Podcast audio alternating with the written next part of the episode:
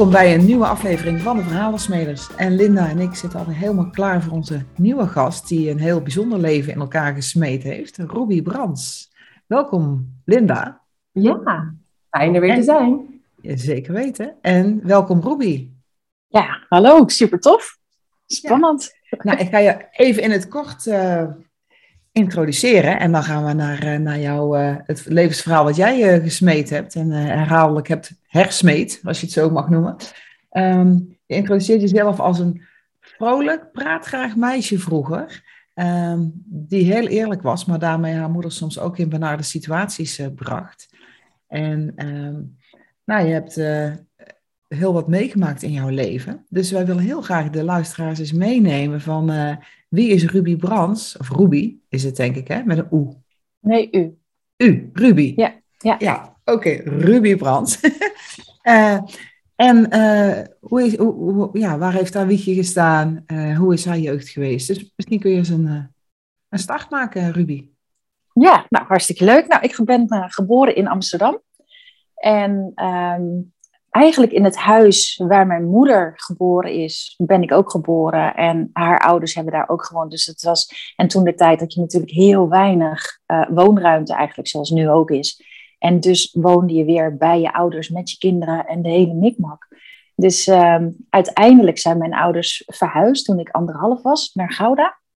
En toen ben ik tot mijn twaalfde in Gouda geweest. Dus daar heb ik de lagere school gedaan en daar uh, de basis neergelegd, zeg maar.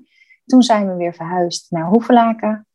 En nou ja, ik, ik heb voor laatst heb ik, uh, een A4'tje bij de gemeente. Kan je uh, aanvragen van, goh, waar heb je allemaal gewoond? En aan één A4'tje had ik niet genoeg.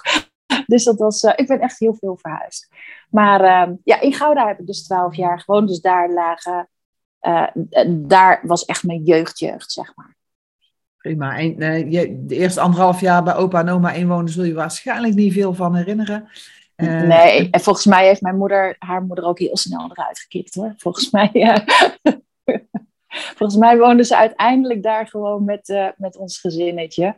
Dus, maar het is wel, ja, het is wel grappig. Ja, en je, had, je hebt nog een oudere broer? Ja, ik heb nog een broer. Ja, verschillen 21 maanden. Dus we hebben eigenlijk altijd samen gespeeld. En zijn vrienden waren mijn vrienden en andersom, zeker in onze jeugdjaren, zeg maar. Dus ja, en we hadden een heel kindrijk buurtje. Dus het was echt heel erg leuk. Stand in de mand was standaard elke dag. Oh, dus ja. Uh, ja, echt super cool. Ik ken hem nog inderdaad, stand in de mand. ja. Volgens mij de jeugd tegenwoordig kent hij echt niet meer. Maar uh, ja, jij vertelt uh, over jezelf dat je altijd vroeger een, een vrolijk praatgraag meisje was. En heel eerlijk. Kun je daar eens iets over vertellen? Ja, nou, het bracht inderdaad mijn moeder behoorlijk in uh, benarde posities. We hadden vroeger niet heel erg veel, uh, veel geld. En uh, dan als we boodschappen gingen doen, dan ging mijn moeder altijd vooraf, telde ze het geld wat ze zelf had.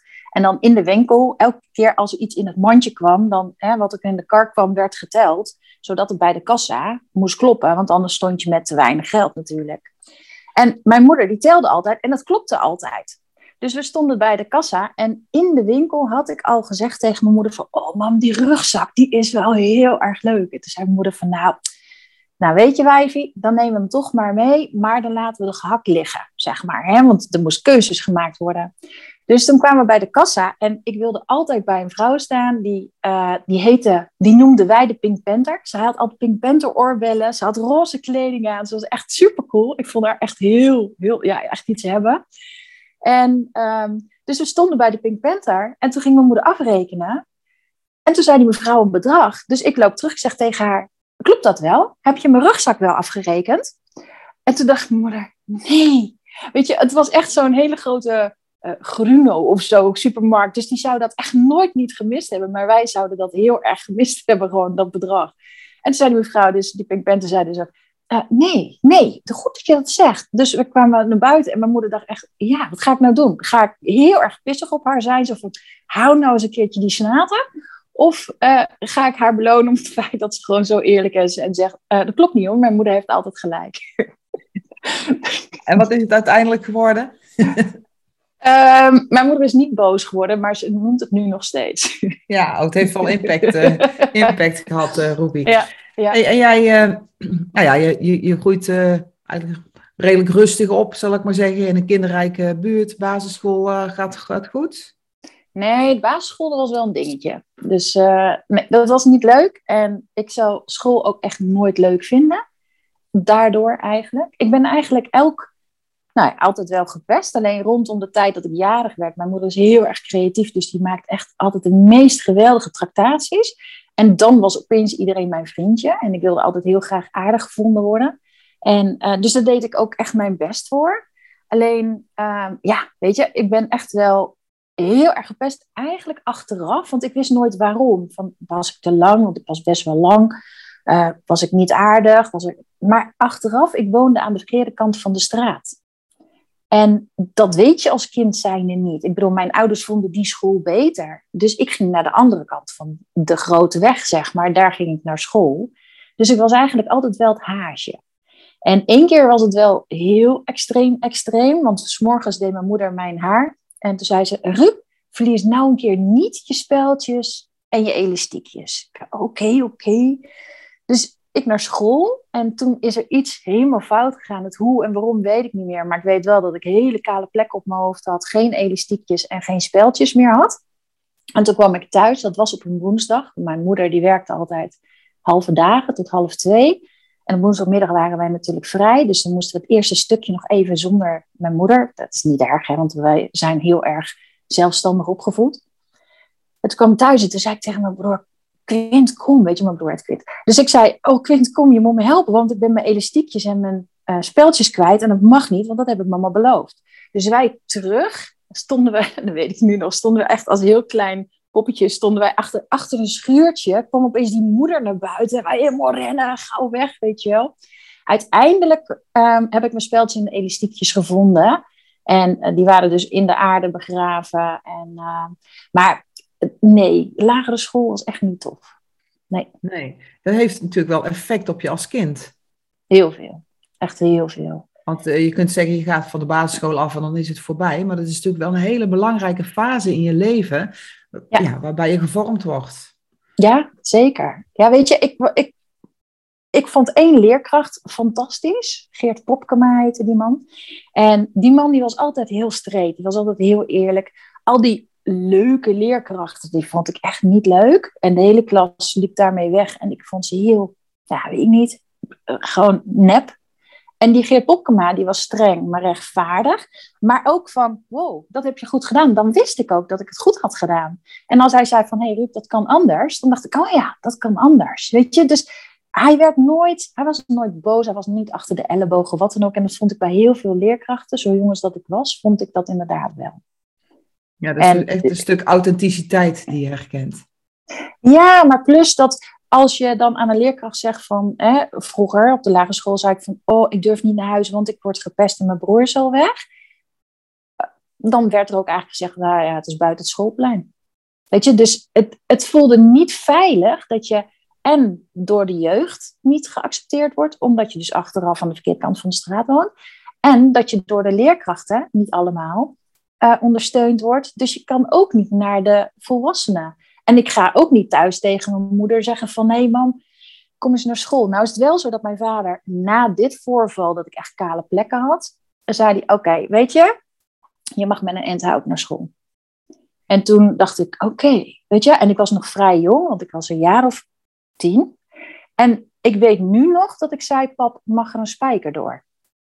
Oh. Dus dat heeft echt dat heeft mij heel erg geraakt, wat er toen de tijd gebeurd was. Ja, Weet je, en dan, en dan denk je, nu als volwassene, denk je, jeetje, dat ik toen al dacht, oh, als er nou een spijker doorgaat en die steekt uit, dan kan ik nog harder slaan. Weet je, dus ja, dat stukje had ik wel. Want ik weet dat vier weken nadat um, dat voorval op school, toen liep er een jongen door onze straat. En uh, nou ja, die noemde mij ho, maar dan ER erachter. En um, ik werd zo kwaad dat die jongen echt finaal één zwart alles. Ik heb hem finaal in elkaar geslagen. En toen had hij dus schijnbaar arm gebroken. En um, dat wist ik ook niet natuurlijk. Maar, en toen, een tijd later liep die jongen dus weer door de straat. En hij zei weer hetzelfde woord. Dat ik weer achter hem aan ging. Dat ik dacht, nou, ik vreet je op. Weet je wel, maar gewoon En toen zei ja, mijn moeder komt aan de deur. Ik zeg, weet je, je doet maar. Maar ja, ik vond het wel spannend. Ik had best wel strenge ouders en vooral mijn vader, weet je wel. En ehm, dus ik zat op de bank en toen ging de deurbel. Toen dacht ik, oh nee, ja. Weet je, ik voel nu nog dat ik denk, oh.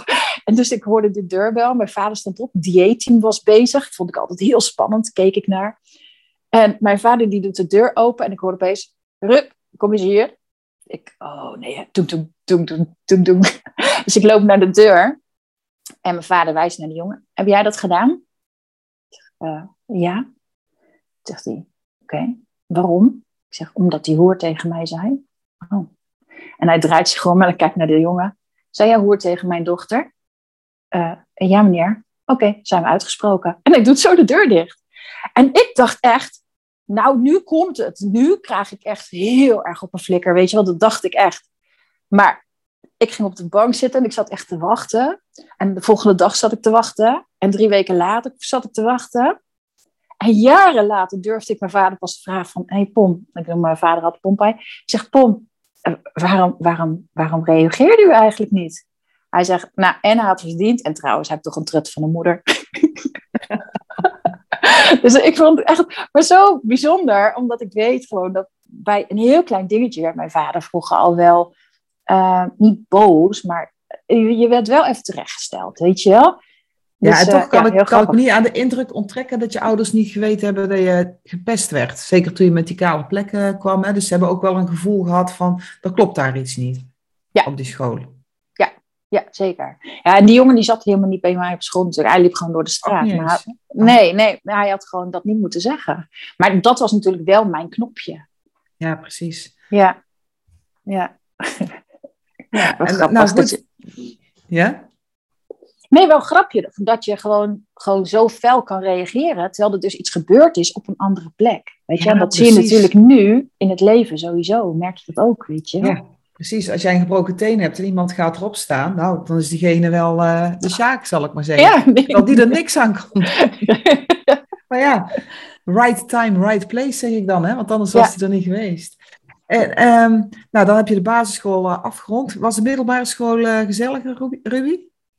Uh, nee, de eerste twee jaar sowieso niet. En uh, ja, weet je, je gaat je ook qua kleding anders dragen. Ik wilde eigenlijk niet echt gezien worden. Dus ik had zo'n hele grote slobbertrui, stretchbroek aan, hoge laarzen. Ik wilde eigenlijk bij de ASO's horen. Ik hoorde nergens, maar weet je, dat, dat voelde dan een beetje zo. Je had zeg maar de kakkers en de ASO's.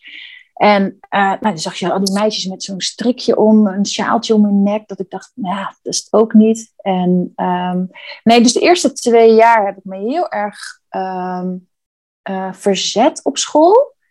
Uh, verzet eigenlijk meer om geen contacten te maken, zorgen dat je met niemand bevriend raakt, want dan kan je ook niet ten gronde gericht worden natuurlijk. En, en dan kan er geen misbruik van de kennis gemaakt worden. En bij, eigenlijk vanaf het tweede jaar ben ik me echt gaan verzetten. Dus niet dat ik mensen ben gaan pesten, want dat zal ik nooit doen. Alleen toen was ik wel veel uh, ad remmer. Weet je, als iemand dan iets zei, dan vloep, dan gaf ik echt iets terug. Ik, kijk, ik heb door mijn ervaring, heb ik op een gegeven moment gedacht, oh, ik zeg maar eigenlijk niks meer. Want dat is misschien ook maar veiliger, weet je wel. Ik, uh, doe maar niet. En de tweede deel van het voortgezet onderwijs. Maar ja, toen ging ik ook verhuizen. Dus eh, dat was precies weer zo'n dingetje, weet je wel. Dus uh, nee, dus het tweede jaar, vanaf het derde en vierde jaar heb ik iets meer mijn mond open gedaan. Maar wat wel grappig was, ik zat in Amersfoort, zat ik op school. En uh, daar, zat, daar, was, een meisje en die was uh, punker. Ze heette iets van Ankrai of zo. Zoiets heette zij. Ze had ook echt zo'n hele bijzondere naam. En ik kwam elke keer, ik had een scooter, een brommertje van iemand gekocht. Dat was een kapitein mobiletje, maar ik had een boegzadel dat het leek dat ik toch nog een boeg had. Want ik had eigenlijk een vet oud ding natuurlijk. En dan kwam ik aanrijden en dan zat zij altijd daar op die stenen muur. En dan zei ze hoi. En ik kreeg altijd zo'n rood hoofd, weet je, echt boem. En op een gegeven moment dacht ik echt, oh, daar staat ze er weer. En dan had ik vooraf al een rood hoofd. En, hoofd. en toen zei ze op een gegeven moment tegen, ik vind, toen liepen we gewoon in, in in de aula, whatever. En toen zei ze, ik vind dat zo leuk. Je krijgt altijd een rood hoofd, je bent zo puur. En ik dacht altijd, oh, doem, doem, doem, doem, daar heb je haar weer, weet je. Want ik vond haar heel ja, fascinerend met haar haar in alle kleuren. En die kisten aan. Ik vond het heel erg gaaf gescheurde panty en zo, weet je. Ik vond het echt heel stoer. Maar toch, het triggerde mij en ergens ook angstig, weet je. Het was heel dubbel. Want als ze er niet zat, miste ik haar. En als ze er wel zat, dacht ik, oh god, ze is daar. Dus heel, heel dubbel, heel gaaf. En, en die middelbare school, die heb je afgerond? Ja, ja. en toen ehm, ging ik op kantoor werken, omdat mijn ouders op kantoor werkten. En dat was echt niks. En die, en die, die man die was ook niks, die eigenaar. Die heeft hele rare verhalen. En dat was heel seksistisch voor een meisje van 14. Dat ik tegen mijn vader zei: Ik ga niet meer heen. Zei mijn vader: Dat ga je ook niet meer doen. Weet je wel. Dus uh, nou klaar. Dus ik ging daar niet meer heen.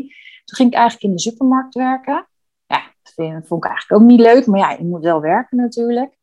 En uh, toen kwam ik bij mijn tante in Amsterdam. En die zei tegen mij: Goh wil je niet in, een, uh, in de kapsalon werken? Dacht ik, nou, waarom ook niet? dus toen ben ik uh, in de kapsalon gaan werken. Nou, dat heb ik uiteindelijk 21 jaar gedaan. Dus ik heb uh, eh, 14 jaar mijn eigen kapsalon gehad. En dus ja, ik ben een hele andere richting heb ik, heb ik gehad dan dat ik nu doe, inderdaad. Ja, precies. En volgens mij sla je ook nog een stukje over, hè? Want je bent vroeger veel gepest, hè? Ja. Ehm, misschien ook verkeerde vrienden op je pad gekomen? Of wat dan ook verkeerd is, die niet in het rijtje passen of zo? Want heeft dat nog tot een stuk verzet uh, geleid in jouw ja, leven? In, uh, ja, toen ik uh, eh, 14 was, leerde ik iemand kennen. Toen ik, hij was 21 en ik was 14. En um, eigenlijk had ik gewoon bij een jongen achterop de brommer, een beetje achterop zo'n MT'tje moeten gaan zitten natuurlijk. Maar nee, ik zat tegelijk in een Opel Kadetje. Dat vond ik eigenlijk ook wel stoer. En alleen als er zoveel leeftijdsverschil is, komt er ook een soort van levelverschil. En um, hij was heel erg jaloers. Dus hij kreeg op een gegeven moment losse handjes. En, um, maar daar ben ik wel zeven jaar bij gebleven. Weet je wel, je bent heel erg bang om ergens weg te gaan, maar je bent ook eigenlijk bang om te blijven. Weet je, dus als iemand dan zo kwaad wordt, want ik weet nog op de dag dat ik hem vertelde uiteindelijk van joh, ik ga weg. Toen dacht ik, oké, nu ga ik dood. Weet je, dat dacht ik echt. En maar dat gebeurde niet. Hij sloeg de deur door, hij sloeg, hij sloeg alle stuk schilderijen, alles. En ik dacht echt van, waarom doe je nou niks? Want dan kan ik zeggen, kijk, hiervoor ga ik weg. Weet je, maar dat gebeurde niet. Dus daar heb ik eigenlijk achteraf best wel lang last van gehad. Zeker in mijn dromen. Want ik weet dat ik in mijn, in mijn droom. Kijk, als je zeven jaar in een relatie zit met een jongen die een stuk ouder is. en de baas is over jou. en ook echt bepaalt wat jij aandoet. Dat is, dat is een hele rare constructie, maar ook in je hoofd. Weet je, als je denkt, oh, doe dat aan. En hij zegt, uh, nee, dat mag niet. Uh, dus hij had wisseldiensten. Dus morgens deed ik aan wat hij wilde dat ik aandeed als hij thuis was. En dan s'avonds als ik dan terugkwam van mijn werk, deed ik eigenlijk aan wat ik aan wilde hebben. Dus ik had eigenlijk op twee locaties altijd kleding. En um, uh, ik heb er heel veel van geleerd in ieder geval. Weet je, en dat klinkt dan heel erg raar. Want natuurlijk is het niet leuk om in een relatie te zitten waar iemand de baas over jou is. Alleen um, als hij dat niet had gedaan, had ik nooit geweest waar ik nu ben. Weet je, en, en dat is wel Um, ja, dat klinkt dan eh, misschien een beetje maf, maar ik, ik ben er eigenlijk achteraf ben ik er heel dankbaar voor. Eigenlijk voor alles wat ik heb meegemaakt. Alleen ik weet wel, ik had één keer een, droom. Hij zat bij zo, en die is heel erg grappig hoor. Hij zat gewoon zo'n bankje buiten, zeg maar. En um, hij had boodschappen gedaan. En hij had allemaal um, stokbroden staken uit dat bromfietstasje. En toen ben ik heen gegaan. En toen heb ik keihard al die stokbroden op hem stuk geslagen. Omdat ik weet dat ik heel lang, echt vanaf kleins af aan tot aan in ieder geval de relatie met hem, heb ik altijd in mijn droom willen kunnen slaan. En ik heb dat nooit gekund. Dus elke keer als mijn vuist net voorbij mijn gezicht kwam, ik kon mijn arm niet meer verder. En dat heb ik jaren gehad. En ik was zo opgelucht dat ik eindelijk die stokbroden op zijn hoofd kon stuk slaan. Dat ik dacht, wow, ik, ik kan nu ook slaan, maar ook in mijn droom. Weet je? En, want daarin zit dan toch een begrenzing, omdat je gewoon niet durft, niet kan en het eng vindt. En het ook eigenlijk niet in je aard zit. Ja, precies. Want um, je, je, je, woonde je toen samen op je 21ste toen je ging? Of woonde je samen? Oh, op mijn 16e al. Of op je, ja, op 16e woon je samen, maar met je 21ste ben je gegaan uit die uh, de relatie. En toen, Ja. had je, je- toen had je je kapsalon? Of toen werkte je nog bij een kapsalon? Toen werkte ik bij een kapsalon. En- Eh, in die kapsalon kwam iemand. Ik heb altijd vluchtgedrag gehad hoor. Maar toen, toen kwam er iemand. En die kwam wel vaker. En die zei, een- een jongen of een man. En die zei op een gegeven moment: Goh, ja, weet je, als je daar niet gelukkig bent, waarom kom je niet naar mij? Ik zeg, ja, dat kan niet hoor. Ik heb katten en dat, dat kan echt niet. Toen zei hij, ja, dan breng die katten naar mij. Ik dacht, oh, nou, ja, misschien is dat de oplossing. Dus eigenlijk ben ik ehm, daar, bij die jongen, heb ik gewoon gezegd van, joh, luister, ehm, ik ben verliefd op een ander, dus ik ga bij je weg. En toen werd hij dus heel erg boos en toen ging hij kwaad weg. En dat ik dacht, oh, toen heb ik heel snel opgebeld naar de jongen. Van, eh, ja, eh, ik heb het verteld, maar als je me niet meer hoort, ja, dan weet je geval dat ik het verteld heb. En eh, toen ben ik eigenlijk in diezelfde week al daar bij die andere jongen gaan wonen. Omdat ik dacht, ja, weet je, mijn moeder zei ook en mijn vader, die zeiden, ja, je kan wel hier gaan wonen, maar ja, hij is hier kind aan huis en dan ga je toch weer terug en dat is niet handig. Weet je, en mijn ouders hebben genoeg gezien natuurlijk. Dus mijn vader had zoiets, ja, ga dan maar naar die andere gozer en dan zien we dat wel weer. Dus eh, nou, dat is uiteindelijk de vader van mijn kinderen geworden. En ehm, ehm, ja, weet je, en daar ben ik ook weer van gescheiden, want is mijn ex-man dan. In 2010 ben ik dan eh, gescheiden. Maar, eh, dus daar ben ik best wel lang geweest. Ja, weet je, onze relatie was, het was... Ik was niet gelukkig en ik was niet ongelukkig.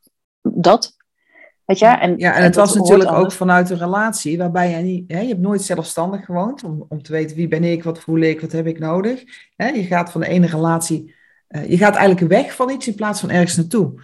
Je wilde Ja. weg uit je relatie en dan zet iemand anders de deur open, dan ga je daar naartoe. Maar je gaat ergens weg van in plaats van dat je ergens naartoe gaat. En Ja. dat heeft natuurlijk effect, want dan kan ik me voorstellen dat je denkt van ja, weet je, eh, het is een soort eh, gouden kooi waarin je zit. Het deurtje staat open, maar ja, het is wel makkelijk. Nou sla ik hem even heel plat, hè. Maar je bent samen en je hebt kinderen en de hypotheek wordt betaald. En ja, ach, je hebt eigenlijk niet echt iets om over te klagen. Maar ja, dat je nou denkt van, wow, wow, wow, dit is het paradijs, dat is het ook niet. Nee, nee. nee. En toen eh, in, de, in het huwelijk ben ik erachter gekomen dan dat mijn ex-man die was gokverslaafd. Dus ehm, eh, daar zijn we druk mee geweest in ieder geval. En eh, dat kostte mijn kapsalon uiteindelijk. Dus, eh, dus mijn kapsalon heb ik niet weggedaan, omdat ik dacht, ja, ik heb geen zin meer om, eh, om eh, een kapsalon te hebben. Maar ehm.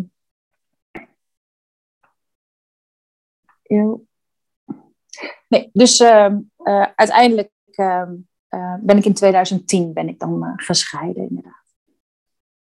En En dan, toen- eh, dan, eh, dan woon je alleen met je kinderen. Ja, Drie kinderen. Ja, met mijn drie jongens. Ja. En ehm, dat was eigenlijk, eh, ik vond dat heerlijk. En als de kinderen dan ook, ik vond het ook lekker als ze het weekend bij hun vader waren. Heel veel mensen die hoor je wel van, oh, dan moet mijn kind daar. Ik vond het fantastisch, want dan had ik gewoon tijd voor mezelf. Want wie was ik nou eigenlijk? Weet je, in mijn kapsalon was ik altijd mezelf. Ik maakte grapjes, ik was vrolijk, ik droeg de kleding die ik wilde. Ik deed alles in mijn kapsalon. Maar zodra ik buiten mijn kapsalon kwam, dan durfde ik eigenlijk niet meer. Dan durfde ik niet mij te zijn. En, eh, want ik weet dat ik me op een gegeven moment met carnaval bijvoorbeeld, ik vind carnaval stiekem heel erg leuk. En dan had ik me helemaal omgekleed voor carnaval, gesminkt en gedaan. En dacht ik, oh yes, en dan had ik de deurklink in de handen. En dacht ik, ah, oh god, wat vinden ze straks van mij? Daar ben ik raar. Ben, misschien ben ik wel de enige die verkleed is. Of... En dan ging ik dus maar weer naar binnen en dan viel ik jankend op bed. Omdat ik gewoon niet durfde. En, en dat is wel. eh, en daar ben ik uiteindelijk natuurlijk heel erg mee aan de gang gegaan. Omdat het gewoon natuurlijk vervelend is dat als je met een vriendin afspreekt in een restaurant of in een kroeg of whatever. Dat ik haar eerst opbelde van oké, waar zit je? Waar zit je precies? Wat heb je aan? Welke kleur kan ik me op focussen? Dat ik gewoon zo in één lijn naar dat punt kon lopen. Zodat ik niet naar andere mensen hoefde te kijken. Niemand iets van mij hoefde te vinden of wat dan ook, weet je. En ehm, dat is wel vervelend geweest. ja, klinkt bijna als een soort straatangst. Ehm, ja, hoewel ik het buiten vond ik het heerlijk, weet je. Maar gewoon ergens heen gaan waar andere mensen zijn, waar iemand iets van jou kan vinden, waar mensen jou niet aardig kunnen vinden. Daar had ik heel veel moeite mee. Ja, precies. Kan ook nog wel een stuk relatie hebben met het pestgedrag van vroeger. Uh, nou ja, dat... Ik ben geen psycholoog, maar ik zou me zomaar kunnen nou, voorstellen dat het effect heeft. Hé, maar jij raakt dus uh, verstrikt in van alles. Staat met drie kinderen op straat. Uh, je bent je bedrijf kwijt. Um, misschien nog wel wat schuld door, door al die gokverslavingen die er zijn. Ja, 65.000 euro. Ja. Oh, op jouw account? Ja. Ja. Persoonlijk? Ja, dus, uh, nee, dus ik had 65.000 euro schuld. Ik had geen huis meer. Uh, want tussendoor had ik ook nog een, uh, een vlucht gehad, zeg maar, naar iemand anders, wat ook niet, niet werkte. Dus uiteindelijk um, stond ik letterlijk op straat. En toen hebben kennissen van mij mij opgevangen op hun zolderkamer. je leert dan mensen kennen. Ook grappig, dat je echt denkt, oké, ik had verwacht dat we vrienden waren. En toch word je dan toch nog eventjes lekker uh, genaaid eigenlijk. En uiteindelijk hebben mijn ouders een uh, kipcaravan voor ons uh, gekocht. En daar ging ik in april heen, in de sneeuw. We hadden geen kachel. Ik kreeg van iemand, heel erg lief hoor, kreeg ik dekens. Maar er waren van die paardendekens. Dat jukt. Oh, oh, en, dan, en dan moet je dankbaar zijn. Het is super lief hè. Maar je moet dankbaar zijn voor alle spullen die je krijgt.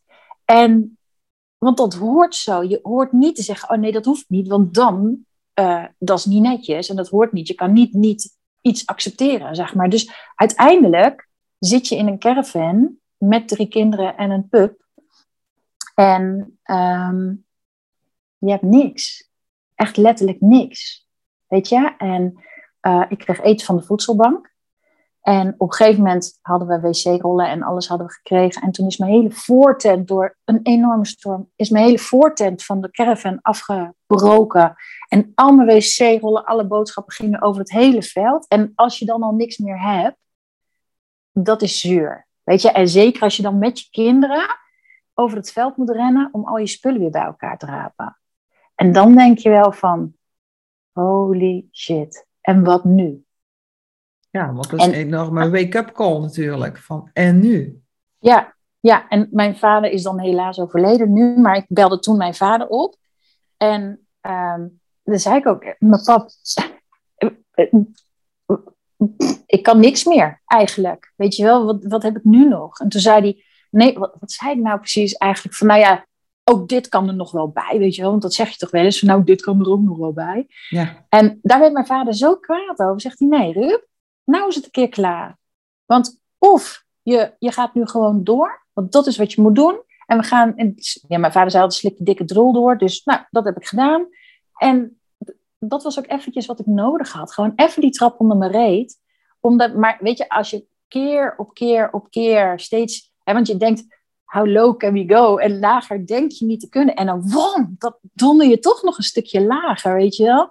En um, ja, en dan opeens krijg je, hè, want ik was bij de gemeente geweest, bij de woningbouw. Toen zei ik tegen zat zo'n meisje van een jaar of 22. Toen zei ik, luister, ik heb niks meer. Ik heb een schuld, ik heb drie kinderen, ik heb een pup. Ik zit in een caravan, het sneeuwt, we hebben het koud, we hebben geen kachel. En toen zegt zo'n meisje van 22, die zegt, ja, er zijn mensen die uh, uh, geen dak kunnen regelen. Jij hebt een dak boven je hoofd kunnen regelen, dus succes. En toen dacht ik echt, het liefste had ik haar over die tafel gesleurd.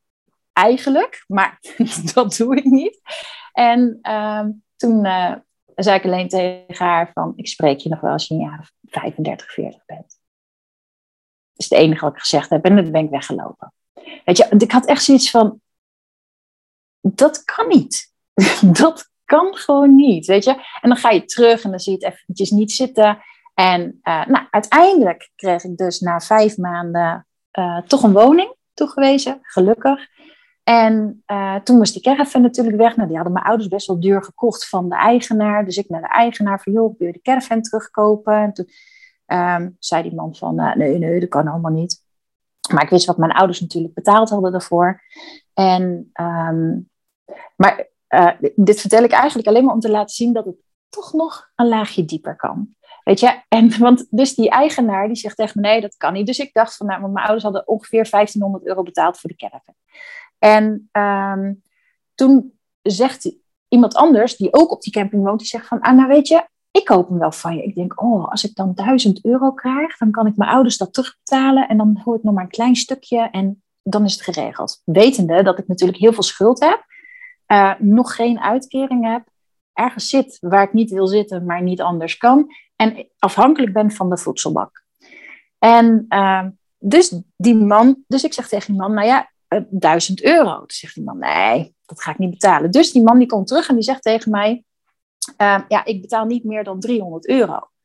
Dus ik bel mijn vader weer op. Ik zeg tegen mijn vader, ik zeg, ja, pom, hij wil niet meer dan 300 euro betalen. Toen zegt, die man, zegt mijn vader van, nou, dan steek ik hem nog liever in de fik. Ik zeg, ja, dat, dat gevoel had ik ook een beetje, weet je. Van, ja, wat heb ik daar nou aan? Maar uiteindelijk, ik heb toch maar toegestemd. Dat ik dacht, ja, weet je, dan ben ik er vanaf, dan is het klaar en alles. Komt opeens die camping-eigenaar naar me toe. En die zegt tegen me, ja, ik begreep dat je de caravan uh, ging verkopen, hè? Ik zeg, uh, uh, ja, want ik doe hem weg, want ik wil hier helemaal niet meer zijn. Zegt hij, ja, maar je verkoopt hem met standplaats en dus kost je 250 euro. Toch?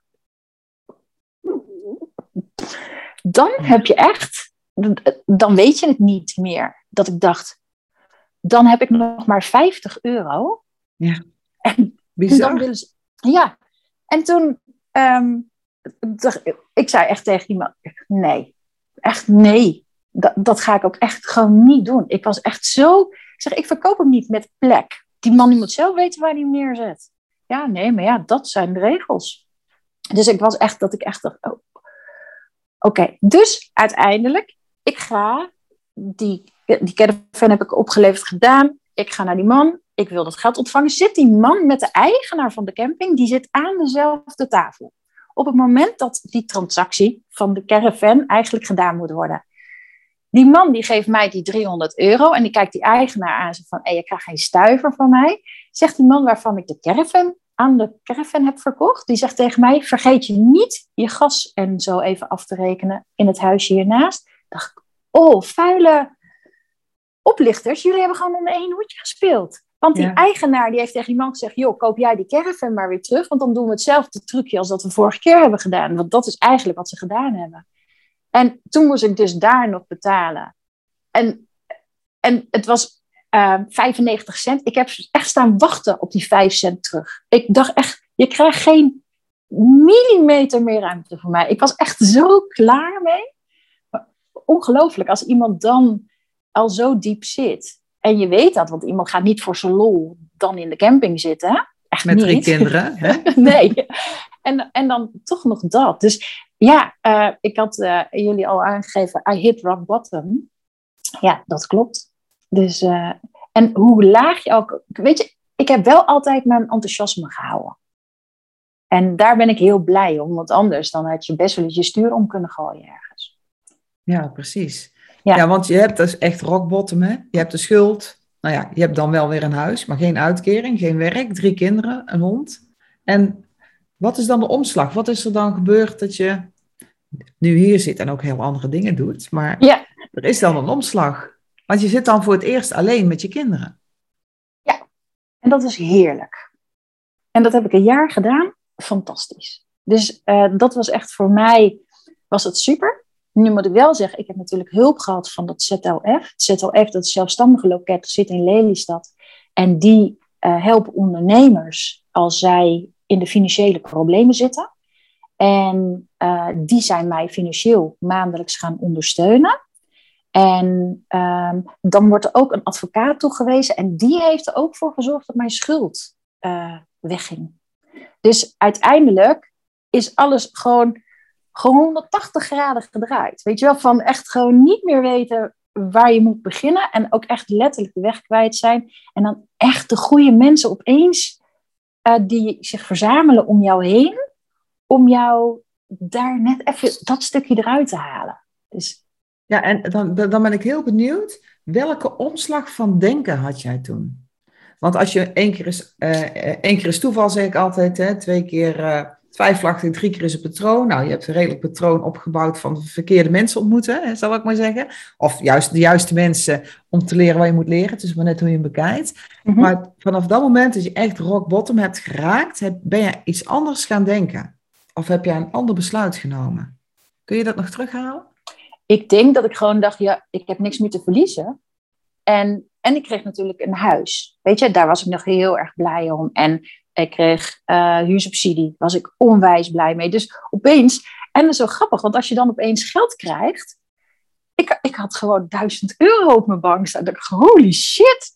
Weet je, ik was echt wow. En dan moest ik mijn huur betalen en dan hield ik nog geld over ook. Weet je, dus het eerste wat ik heb gedaan ook, dat is uh, spullen voor de kinderen natuurlijk. Weet je, mijn middelste had zijn gimpen echt met duct tape vastgetaped, omdat die hele flap zo los zat. En ik kon geen nieuwe schoenen kopen. Weet je, dus dat zijn alle. Opeens kwam er geld in ruimte. Dat ik dacht, oh, wat lekker man. Weet je, opeens kan je iets doen. En ja, dus is ook een stuk dankbaarheid wat ik ineens terug hoor. Dat, ineens, wat eerst eigenlijk vanzelfsprekend was, niet zo vanzelfsprekend blijkt. En waarmee je dan in een soort van dankbaarheid komt van, oh, weet je, er is wel hulp. Ik kan, ik kan wel in een huis, er komt wel geld. Ja. Mooi. Ja, ja.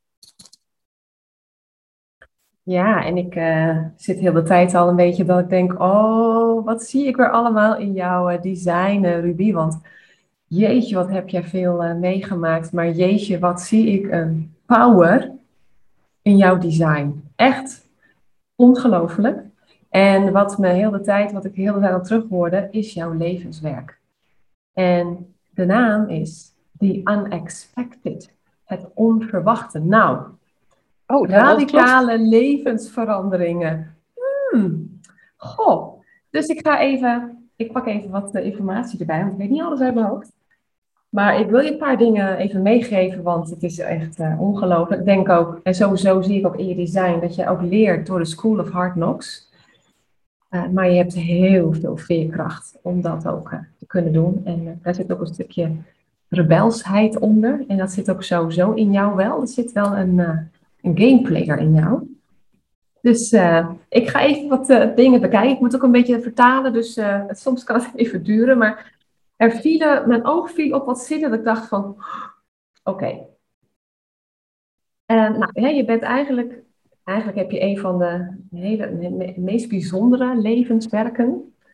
En eigenlijk ehm, ja, kun jij continu ja, het onverwachte of radicale veranderingen in je leven tegenkomen. Nou, hè? dat hebben we nog helemaal niet gehoord. Nee.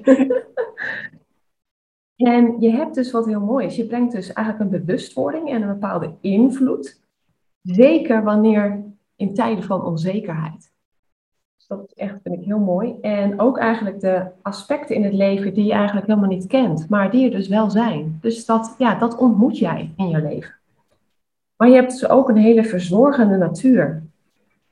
En die ook weet hoe je het meeste uit het leven kunt halen. Dus zelfs in die caravan zonder verwarming met die prikkende paardendekens, weet jij iets uit het leven te halen. En ik voel jouw enthousiasme voor leven. Dat is wat ik heel erg voel bij je. Dus dat, is, nou, dat zit in jou. Dat is wie je bent. Dus dat is fantastisch om dat zo te horen. En daardoor kun je ook wat jij hebt, uh, hebt meegemaakt aan. Dus dat, uh, even kijken, wat zag ik nog meer? Ja, wat ook gewoon, hè, als jij alles wat het leven jou op je pad brengt, als je dat omarmt, dan heb je eigenlijk met een openheid en ook eigenlijk een soort dat je klaar bent om alles wat het leven je brengt aan te gaan, dan, eh, dan zul je dus nooit ook ontmoedigd raken.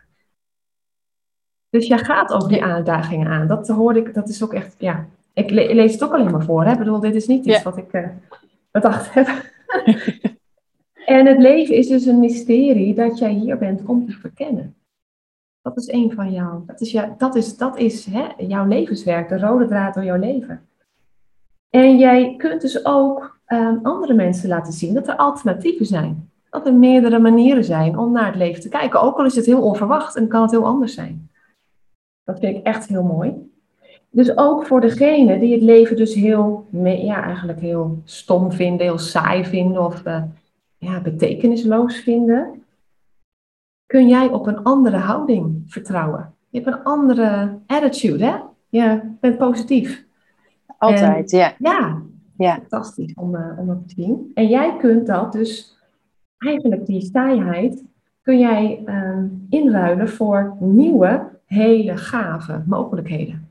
Dus dat, dat is letterlijk wat je brengt. Dus, nou, hè. Ehm, je bent ook altijd klaar om nieuwe avonturen in het leven aan te gaan. Dus dat je zoveel radicale veranderingen hebt doorgemaakt, kun jij ook, omdat je daar ook voor open staat en je denkt, nou, dan gaan we deze kant weer op. En, ehm, en wat uiteindelijk, moet ik wel even kijken. Ja, eigenlijk is het een, een, een, een, ja, een voortdurende zoektocht in jouw leven, is het vinden van balans eh, tussen het accepteren van alle struggles, hè, van alle moeilijkheden. En dat je daar helder over hebt. hebt. En ook ehm, eh, hoe je je gaat committeren aan die struggles. Dus aan de ene kant het, het, uh, ja, het accepteren, maar aan de andere kant ook het omgaan daarmee. En ja, dit is wat jij dus brengt. Dus het leven is onverwacht met onverwachte wendingen. En daar inspireer jij anderen mee. Dit is echt zo, ja, zo mooi om dat in jouw verhaal terug te horen. En als ik dan nog even heel snel kijk, want ik weet dat we al qua tijd, uh, je was zo'n mooi, uh, zo'n mooi verhaal. Um, dat ik gewoon, je hebt heel veel persoonlijke energie. Echt een power. Echt ook dat je gewoon weet hoe erg de situatie is. Je bent heel intuïtief.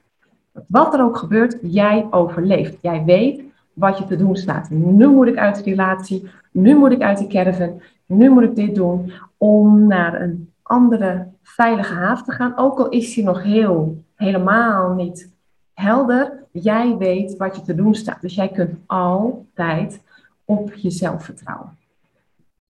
Cool. Ja, mooi.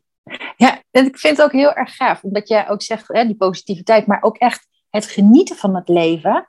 Dat doe ik elke dag, wat er ook gebeurt. Ik geniet oprecht. En het is inderdaad wel zo dat mensen, als ik op het internet ben of wat dan ook, weet je, als ik zeg bij me, zeggen ze altijd, oh, ik krijg zoveel positieve energie van jou, ik krijg weer zin in de dag, al laat je alleen maar een blaadje zien, want ik vind de natuur spreekt. En um, denk ik, ja, weet je, voor mij is het heel simpel. En anderen die denken, oh, ja, cool. Dus uh, ja, mooi wat je vertelt, dankjewel. Ja, we gaan langzaam naar de afronding uh, toe, uh, Ruby. Maar ik wil heel graag horen, ben heel benieuwd. Want wat ben je daarna gaan doen en wat doe je nu? Ik, uh, ik ben ondernemerscoach en ik coach uh, vrouwen om echt onbegrensd zichzelf te zijn, door echt te gaan genieten van het leven en zich niet terug te laten houden door wat er in het verleden is gebeurd. En om echt in zichzelf te kunnen geloven. Dat ze echt denken oh ja, weet je, want heel vaak dan uh, rammel je tegen een drempel aan en denk je, oh nee, laat maar, ik doe het maar niet. Of, oh nee, ik, weet je, ik, durf niet zichtbaar te zijn. Of ik, maar wat houd je dan tegen? En ik ben dus niet iemand die gaat zitten vroeten in het verleden, want dat, dat helpt niet. Het heeft je iets gebracht. En juist door dat beter te pakken en te denken: oké, weet je, dat heb ik toen de tijd overleefd, dat heb ik gedaan, dus dan kan ik dan nu dit ook. Weet je, en ik heb dan, uh, ik roep altijd eigenlijk van: ik wil iedereen, hè, elke vrouw met een eigen praktijk, wil ik weer pro laten zijn. Dat is puur relaxed ondernemen, door onbegrensd zichzelf te zijn. En ja, daar geniet ik gewoon enorm van. Ja, mooi. En dat doe je in één op één uh, situaties, Ruby? Of uh, heb je ook uh, groepen waarin ondernemers bij elkaar komen? Ik heb, ik heb één op één, maar ik werk nu in groepen, want ik werk met chakra's en met edelstenen. En nu heb ik een onwijs gaaf programma. En dat is dus ook om te zijn, puur relax jezelf. En daardoor lopen we dus elke week een andere chakra, want elke chakra heeft ook een demon. En dus je, hebt de kracht van de chakra, maar ook een demon van de chakra. En die tackelen we. En ik werk dus niet met zeven chakra's, maar met negen. En waardoor je dus nog dieper komt in uh, je persoonlijkheid. Daardoor weet je wie je bent en, uh, en wat je tegenhoudt. En juist door dat samen te mixen, ja, word je veel krachtiger. En ik ben de enige chakra-numeroloog in Nederland en België. En uh, door de berekening van iemands geboortedatum, daarom vond ik het ongelooflijk leuk van Linda ook. En door de geboortedatum te berekenen vanuit chakra's, zeg maar, weet je precies van essentie wie iemand is, maar ook welke demonen ze tegenaan lopen. En in, de, in het laatste hoofdstuk leg ik een heel klein beetje uit hoe bereken je jezelf. Dus dat is wel heel erg leuk en dat is met mijn online training. Prima. En uh, mochten luisteraars belangstelling hebben, waar kunnen ze je vinden, Ruby? Op rubybrands.nl. En ik dacht, laat ik het makkelijk houden. En ik heb ook een podcast, het is Podcast met Ruby. wilde ik ook gewoon zo simpel mogelijk houden dat niemand, uh, hè, want Ruby is overal natuurlijk. Hè, omdat het inderdaad ook in de stenen zit. En ik wil nog even zeggen, ik heb de oersteen. En de oersteen, daar ben ik de enige overal die dat berekent. En de oersteen, dat is uh, een edelsteen, houdt altijd zijn eigen energie. Alleen wij als mens, en je hebt net mijn verhaal gehoord, ga je elke keer in de schoenen van een ander lopen. Maar de oersteen die brengt je dus weer helemaal terug naar de kern van wie jij bent. En dat bereken ik dus helemaal vanuit iedereen's eigen geboortedatum. En het liefst ook geboortetijd. Zodat je dus echt, en dan heb je echt jouw eigen oersteen. Oh, nou, klinkt, uh, klinkt mooi. Linda? Ja, zeker. En uh, het klinkt ook dat je werkt met negen chakra's. Nou ja, in het jonge design systeem hebben we ook negen functies. Hè, met hun, ook hun demonen, hè, twee kanten. Het, uh, het kan je ook wijsheid brengen, maar het kan je ook enorm afleiden van je kracht. Dus uh, ik ben heel benieuwd, Ruby, want we kennen elkaar nog helemaal niet zo goed. Maar leuk om, om dat misschien wel hè, meer kennis te maken. En ja, met jouw ervaring kun jij echt, nou, jij bent gewoon een levend voorbeeld van hoe we onbegrensd kunnen leven. Want als je dat hebt doorstaan wat jij hebt doorleefd en nog zo positief kunt zijn, daar kan ik alleen maar bewondering voor hebben en uh, daar kun je anderen mee inspireren. Dus hartstikke gaaf wat je doet. Ja, dankjewel. Ja, ja dankjewel uh, Ruby. Ik weet niet of je nog uh, iets, een laatste woord wilt zeggen. Anders dan gaan we deze podcast ook weer beëindigen. Nee, ik vind het waanzinnig dat ik mee mag doen en naar jullie uh, te hebben geluisterd en jullie uh, vragen. En dat ik de ruimte heb gekregen om dat te mogen vertellen, zodat iedereen weet dat wat voor struggle je ook tegenkomt, hoe diep die put ook is, dat je er altijd uit kan komen. Ja, precies. Dankjewel. Dit zijn mooie woorden om de podcast te beëindigen, Ruby. Dankjewel, luisteraars van de Verhalensmeders, naar dit inspirerende verhaal weer van Ruby. En volg ons via de Verhalensmeders en tot de volgende keer. Blijf gezond en een fijne week.